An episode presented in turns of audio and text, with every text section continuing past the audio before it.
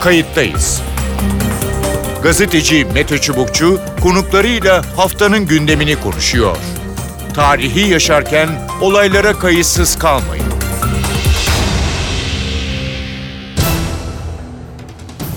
İyi günler bir kayıttayız programıyla daha karşınızdayız. Tarihe ışık tutmak ve olan biteni anlamak için önümüzdeki dakikalarda sizlerle birlikte olacağız. Ben Mete Çubukçu, editörümüz Sevan Kazancı. Salgında yeni endişe kaynağı omikron varyantı. Diğer varyantlara göre daha bulaşıcı olduğu belirtilen omikron dünya üzerinde hızla yayılmaya devam ediyor. Artık iki doz aşılı olmanın bile koruyucu olmayacağı, üçüncü doz aşıların da mutlaka yaptırılması gerektiği ifade ediliyor. BioNTech'le birlikte dünyada onaylanan ilk koronavirüs aşısının geliştiricisi Pfizer ise bunu bir adım öteye taşıyıp dördüncü dozlara beklenenden daha erken ihtiyaç duyulabileceğini duyurdu. Türkiye'de de bilim kurulu üyesi Profesör Alper Şener'in yaptığı açıklama dikkat çekti. Şener, Covid geçirenlerin %10'unda virüsün yarattığı hasarın sürdüğünü, bu kişilerin korona izleme merkezlerinde takibinin önemli olduğunu söyledi. Kayıttayız da hem bu açıklamayı hem de omikron ve aşılamayla ilgili sorulara yanıt arayacağız. Kayıttayız'ın konuğu Profesör Alper Şener. Alper Şener Bilim Kurulu üyelerinden. Hoş geldiniz programımıza. Hoş bulduk. İyi yayınlar diliyorum. Nasılsınız? Sağ olun, sağ olun. Çok teşekkür ederim. Ee, evet yani birçok e, sorun, problem e, ama tabii ki en başında gelen e, sağlık e, ve e, korona e, ve işte son e, varyant Omnikon'dan e, söz ediliyor. Önce şuradan başlamak istiyorum. E, bir demecinizi okudum. Özellikle korona geçirenlerin e, üzerinde yapılan bir araştırmaya e, göre e, en az yüzde otuz oranında e, yani yakalanan daha sonra iyileşenlerde e, bir takım e, yan etkiler e, ya da hasarlar oluştuğuna yönelik bir araştırma var e, sanırım. Biraz ondan bahseder misiniz? Aslında o bir araştırma değil. Dünya Sağlık Örgütü'nün de içinde bulunduğu bir grup araştırmacının bir tahmini bu. Hı hı. Şöyle post-covid, long-covid dediğimiz tablo şöyle bir şey. Hastalığı atlattıktan sonra yani PCR'ınız negatifleştikten sonra devam eden şikayetlerinizin var olması. Yani başlangıçtaki olan şikayetlerinizin devam etmesi söz konusu. Üstüne yeni şikayetlerin toplanması da birikmesi söz konusu. Burada neyi kastediyoruz? Burada PCR testinin negatif olması şartı yani tekrar altını çizmekte fayda var. 3 aylık bir periyot dilimi içerisinde devam eden işte unutkanlık, baş ağrısı, kas ağrısı, eklem ağrısı, çarpıntı hissi, tansiyon nöbetleri, kızarıklık hissi, işte nefes darlığı gibi başka bir sebeple açıklanamayan şikayetleriniz de olmaz. Yani korona öncesinde olmayan ama korona geçirdikten sonra ortaya çıkan ve başka bir sebep bulunamayan şikayetlerinizin devam etmesine biz aslında devam eden COVID ya da long COVID ya da post-COVID klinik tablosu olarak adlandırmaya başladık. 6 Ekim 2021'den bu zamana Dünya Sağlık Örgütü artık bu post-COVID'i bir klinik sendrom olarak tanımladı. Bu hmm. klinik sendrom grubu aslında bir tahmin şu ki her 10 COVID hastasından bir tanesinde görülüyor ve görülecek önümüzdeki zaman dilimi içerisinde. Bu da yaklaşık olarak baktığınızda 220 milyon civarında kişinin dünyada koronavirüs enfeksiyonu atlattığına geçirdiğine göre yaklaşık 20-25 milyon arasında şimdilik tabii ki parantez içerisinde bir long covid ve post covid hastası adayımız var. Bunlar zaten yavaş yavaş polikliniklere gelmeye başladı. Sahada gördüğümüz şey bu. Yani kişiler yoğun bakım süreci dahil olmak üzere, hastane süreci olmak üzere bitiyor, atlatıyorlar. Ama hala hazır devam eden, takip eden şikayetleri oluyor. Ne gibi? ishal evet. gibi, ne gibi çarpıntı gibi, ne gibi tansiyon nöbetleri gibi, hatırlama güçlükleri gibi, dört işlemi yapamama güçlükleri gibi vesaire. Bu bir sendromik havuz. Bunun içeriği daha da genişleyecektir diye düşünüyorum ben uzun vadede. Peki e, yani bu tabii ki bu şikayetlere göre farklı tedaviler herhalde başlanıyor değil mi bunların? Şimdi aslında şu anda standart bir tedavi yok bu hasta grubu için. Daha çok bunların e, şikayetinin e, yok etmeye yönelik semptomatik dediğimiz yani özünü çözmeye yönelik değil semptomları hafifletmeye yönelik önerilerde bulunuyoruz. Ne gibi? Nefes darlığı olanlara mesela ya da kas ağrısı, eklem ağrısı olanlara belli aralıklarla düz egzersizler, tanımlanmış egzersizler. Nefes darlığı çekenleri nefes egzersizleri, solunum fizyoterapileri gibi.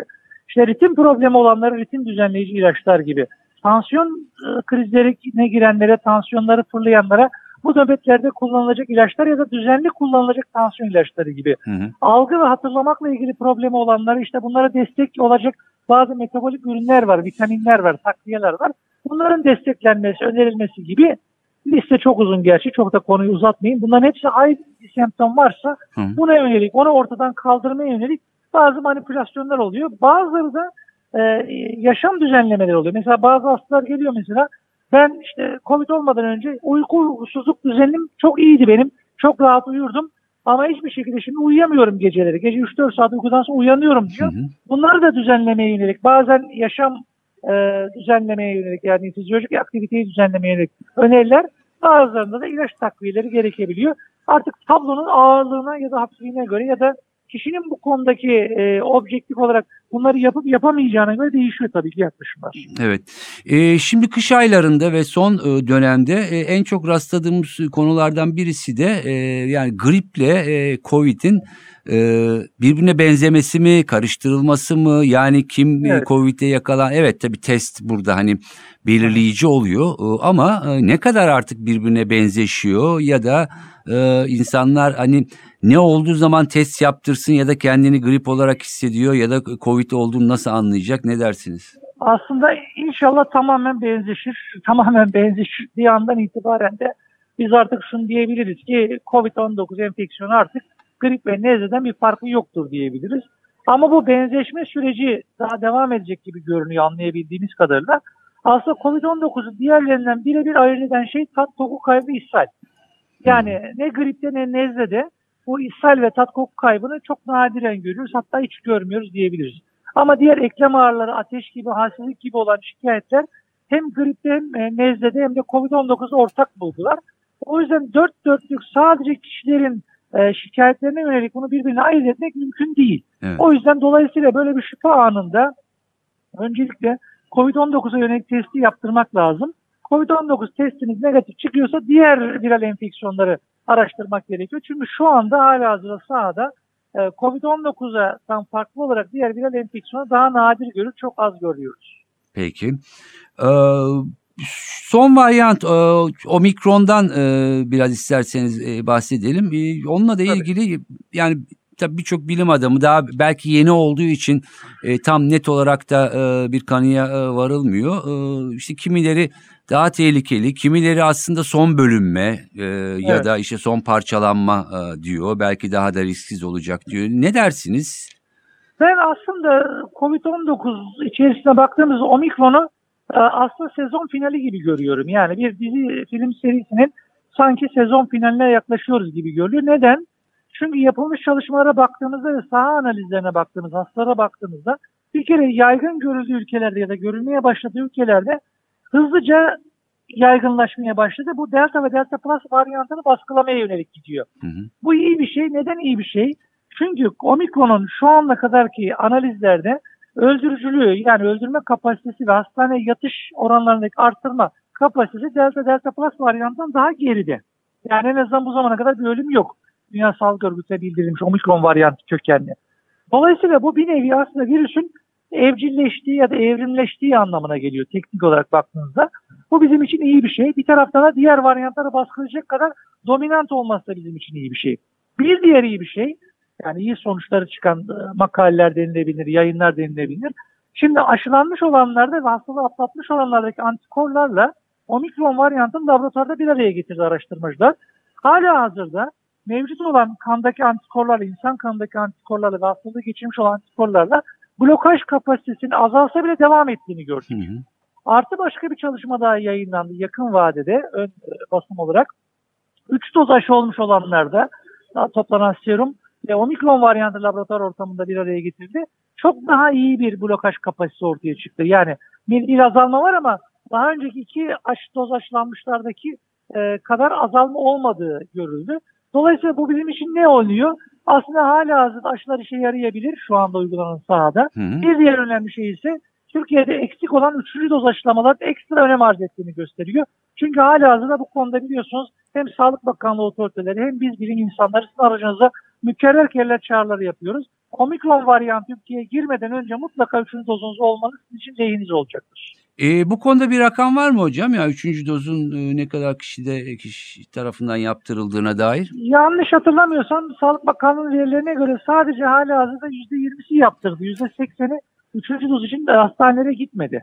Üçüncü dozu açılmış olmasına rağmen. Peki siz yani e, sonuçta insanlarla da e, doğal olarak yani yüz yüzesiniz. E, yani neden gitmiyorlar ya da gerekçesi ne olabilir? Yani ihmal mi, korku mu, şüphe mi? Yani nedir Ya hala bunların- Bunların direnmenin? ciddi bir kesimi bence biraz ihmal. Yani iki doz aşı oldukları için hala hazırda bu koruma yelpazesini yeteceğini düşünüyor insanlar ya da ona inanıyor. E, beraberinde bir taraftan da aşılar ve yan etkilerle ilgili bir sürü spekülasyon ortaya çıkınca ya ben kazasız belasız iki dozunu oldum. Üçüncü doz olup da başıma bir şey gelmesin diyenler de var. Herhangi bir yan etki ortaya çıkmasın diyenler de var. Dolayısıyla şunu tekrar altını çizmekte fayda var. Daha önce iki doz oldunuzsa herhangi bir yan etkiyle karşılaşmadınızsa bu yan etkinin üçüncü doza çıkma ihtimali yani milli piyangodan büyük ikramiye çıkması kadar düşük öyle diyebiliriz. O yüzden dolayısıyla bu anlamda özellikle üçüncü dozu ekstra önem arz ettiğini altını çizmekte fayda var.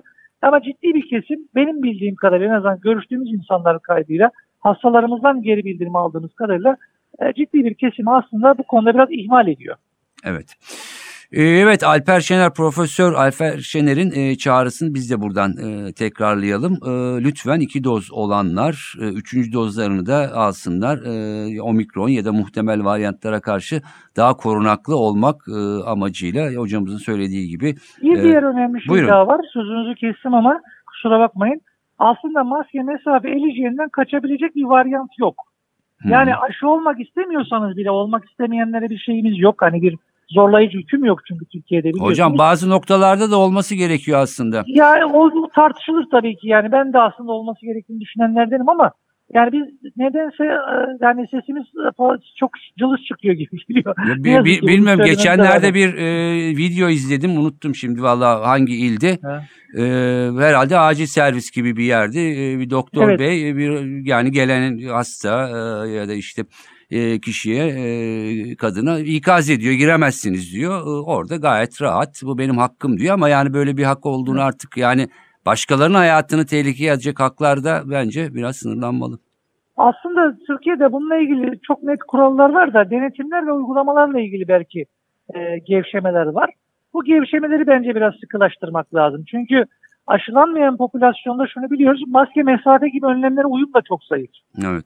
Çünkü bu hepsi bir bütün aslında baktığımızda. Yani birini olmayan diğerini de yapmıyor, uygulamıyor. Umarız e, buradan e, sizin sesiniz ve e, uyarılarınız e, o kişilere de ulaşır. Çok teşekkür ediyorum Ben programımıza teşekkür ediyorum. katıldığınız ve yorumlarınız İyi için. yayınlar diliyorum. Sağ olun. Kolay gelsin, iyi çalışmalar. Kayıttayız'ın konuğu Profesör Bülent Ertuğrul. Bülent Ertuğrul enfeksiyon hastalıkları uzmanı ve klinik üyesi. Hoş geldiniz programımıza. Hoş bulduk Mete Bey, iyi yayınlar. E, teşekkürler. E, salgın e, devam ediyor. E, önlemler devam ediyor. Aşılar, aşılamalar, e, olanlar, e, olmayanlar e, devam ediyor. Şuradan e, başlamak istiyorum. E, seyir nasıl e, gidiyor o, sizce? E, yani evet bir takım rakamlar e, söz konusu. Ama sanki rakamlara da e, yabancılaştık. Maalesef e, 200'e yakın herkes, e, kişi e, her gün e, hayatını kaybediyor. Tabii ateş düştüğü yeri yakıyor ama böyle bir rakam yabancılaşması da maalesef oldu. Nedir son durum? Yani sizin gözlemleriniz en azından hastalarla olan temasınız. Buyurun. Şimdi şöyle bir kere e, o sayılara çok da güvenmemek gerekiyor. E, çünkü son dönemde e, şöyle bir durum gelişti. E, birincisi diyelim bir aileden bir kişi e, pozitif çıkıyor. E, ama e, bakanlık yetkilileri ailenin diğer üyelerine test yapma gereği duymuyorlar. Diyorlar ki siz de zaten temaslısınız. O nedenle pozitif kabul edilirsiniz. E, test yapmaya gerek yok deyip onları da izolasyona alıyorlar. Tamam izolasyona almak doğru. E, temaslı kabul etmek de doğru ama test yapıp onlardan kaçının pozitif olduğunu bilmek gerekiyor. Benzer durum okullarda da geçerli. Örneğin e, bir sınıfta birkaç öğrenci pozitif çıkıyor. E, o hemen e, o sınıf kapatılıyor. Fakat öğrencilerin geri kalanına test yapılmıyor. Onlar da evlerine gönderiliyor. Ve böylece o sınıf içerisinde ne kadar yaygınlık var bilinemiyor. Buna bağlı olarak da sayılar aslında e, bakanlığın açıkladığı sayıların çok oldu, doğru olduğunu düşünmüyorum. Hı. Yani bu sayıları belki de bir iki ile falan çarpmak gerekir. Evet. E, sahadaki duruma gelince e, zaten Ağustos ayından beri bir dalganın içerisindeyiz ve o e, dalga bir türlü e, aşağıya doğru inemiyor. Ortalama 20-25 bin arasında takılmış durumda olgu sayıları e, ki biraz önce söylediğim gibi çok da gerçeği yansıtmayan sayılar. E, can kayıpları da 200 civarında takılmış durumda ortalama günlük e, ve bakanın da itiraf ettiği gibi aslında o sayılar da çok da e, gerçeği yansıtmıyor. Çünkü e, orada da Covid bağlı ölümler bir kere e, hesaba katılmıyor. Yani bir hasta Covid-19 olmuş, yoğun bakıma yatmış. Sonra e, uzun yoğun bakım döneminde negatifleşmiş fakat daha sonrasında yaşamını yitirmiş. Örneğin bu Covid-19'dan dolayı ölmüş kabul edilmiyor. E, işte bu nedenden dolayı o sayıları da bir köşeye bırakırsak son dönemde hasta sayılarında böyle hafif hafif artışlar var. Örneğin servis ortalamalarını, günlük ortalama sayıları artmaya başladı. Yoğun bakımlarda da bir miktar artış olduğunu söyleyebilirim. En azından kendi hastanemden baktığım Hı-hı. zaman. Peki. Şimdi e, aşılamada e, nedir e, en azından hani Klimik'in verileri? Üçüncü doz yani şeyden bahsediyorum. E, Sinovac değil de evet. e, BioNTech, e, iki BioNTech ve üçüncü BioNTech. Bu üçüncü e, dozlarda durum e, nedir? E, çünkü orada bir e, yavaşlama, direnç, umursamama ya da işte farklı e, yaklaşımlardan dolayı uzak durma gibi durumlar devam ediyor deniyor. Ne dersiniz? Evet. E, bu konuda da haklısınız. E, bir kere e, bizim hasta grubumuzun önemli bir bölümünü aşısızlar oluşturuyor. Onu koymak gerekiyor. Şimdi e, normal iki dozu tam tamamlamış nüfus oranımızın e, bakan yüzde 60 diye açıkladı ama e, bunların içerisinde iki doz e, inaktive virüs aşısı yani Sinovac aşılılar da var. Hı hı. E, ve e, aslına bakarsanız e, aşısızlar dışındaki diğer önemli grubumuzu da e, geçen e, Ocak, Şubat veya Mart ayında e, iki doz Sinovac aşılarını olmuş ancak üçüncü dozu mRNA aşısını olmamış ileri yaştakiler veya altta yatan hastalığı olanlar oluşturuyor. Hı hı. Ne yazık ki bu böyle. Yani onların da mutlaka aslında bir üçüncü dozu ve bunu da mRNA aşısı olarak yapmaları gerekiyordu. Şimdi e, bir de üstüne aslında e, yine bundan 6 ay önce 2 doz mRNA aşısını tamamlamış olanların da 3. doz olması gereksinimi ortaya çıktı. Son çalışmalar onu gösteriyor. Özellikle ileri yaş ve risk gruptakilerinin e, bu varyantlara karşı daha etkin bir koruma sağlayabilmek amacıyla ama günlük aşı sayısına baktığımız zaman ülkemizde yapılan çok düşük olduğunu görüyoruz. Yani e, biz böyle bir aşılama hızıyla e, ancak 10 yılda falan tamamlayabileceğiz toplumsal bağışıklığımızı. Yani şu anda o kadar hı hı. düşük bir biçimde gidiyor ki e, bu anlamda da orada da çok olumlu şeyler söylemek olanaklı değil. E, en azından benim gözlemim şu anda bu şekilde. Peki e, bu son varyant e, omikron için e, farklı görüşler var. E, yani bu işin sonu e, yolun sonu diyenler e, var. E, hayır öyle değil daha e, riskli diyenler var. E, bu son e, işte e, bölünme e, ve ortaya çıkan e, virüsün tipi, cinsi artık nasıl söyleyeceksek. Ne dersiniz sizin görüşünüzde? Şimdi e, veriler e, omikronun çok hızlı bulaştığını gösteriyor. Delta'dan da daha hızlı bulaştığını gösteriyor. Kimi veriler böyle 40 katı kadar diye söylüyor.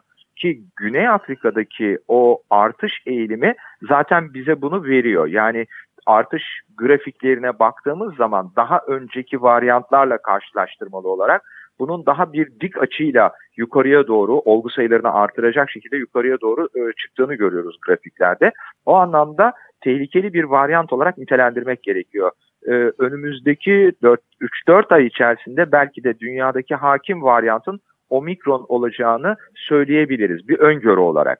E, peki hastalık tablosunda yani klinikte ne gibi değişiklikler var? Hı hı. Şimdi e, öyle mutasyona uğrayan bir virüs ki bu bir karanlık dönemi var zaten. Bir türlü onu, o da o konuda da görüş ayrılıkları var. Yani nereden köken aldığı? Çünkü normalde virüslerin evrimi sürekli olarak izlenir ve bu izlem altında hangi noktada ne şekilde mutasyon olabileceği de öngörülerek devam ederdi.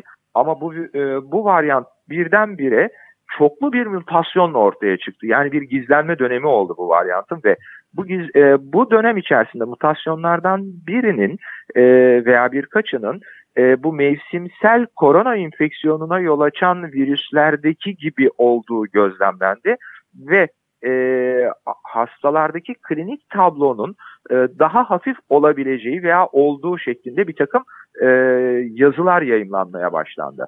E, fakat e, şimdi e, Güney Afrika'da ve e, iyi verilerin geldiği ilk yerlerdeki varyantın dağılımı genç nüfusta ve özellikle çocuklarda. Şimdi böyle baktığımız zaman da ve bunlarda da zaten hafif hastalık tablosuyla geçeceğini bildiğimizden dolayı hani bunun gerçekten ileri yaştakiler, altta yatan hastalığı olanlar için de bir hafif geçim, e, geçirmeye mi yol açacağı hı hı. yoksa daha da iyi bir bilgi birikimimiz olduktan sonra mı konuşmamız gerektiği konusunda çelişkiler var. Ama ben biraz daha beklemekten yanayım. Hı hı. Yani bu varyant toplumda eğer hakim hale gelirse biz daha net verilerle konuşabileceğiz.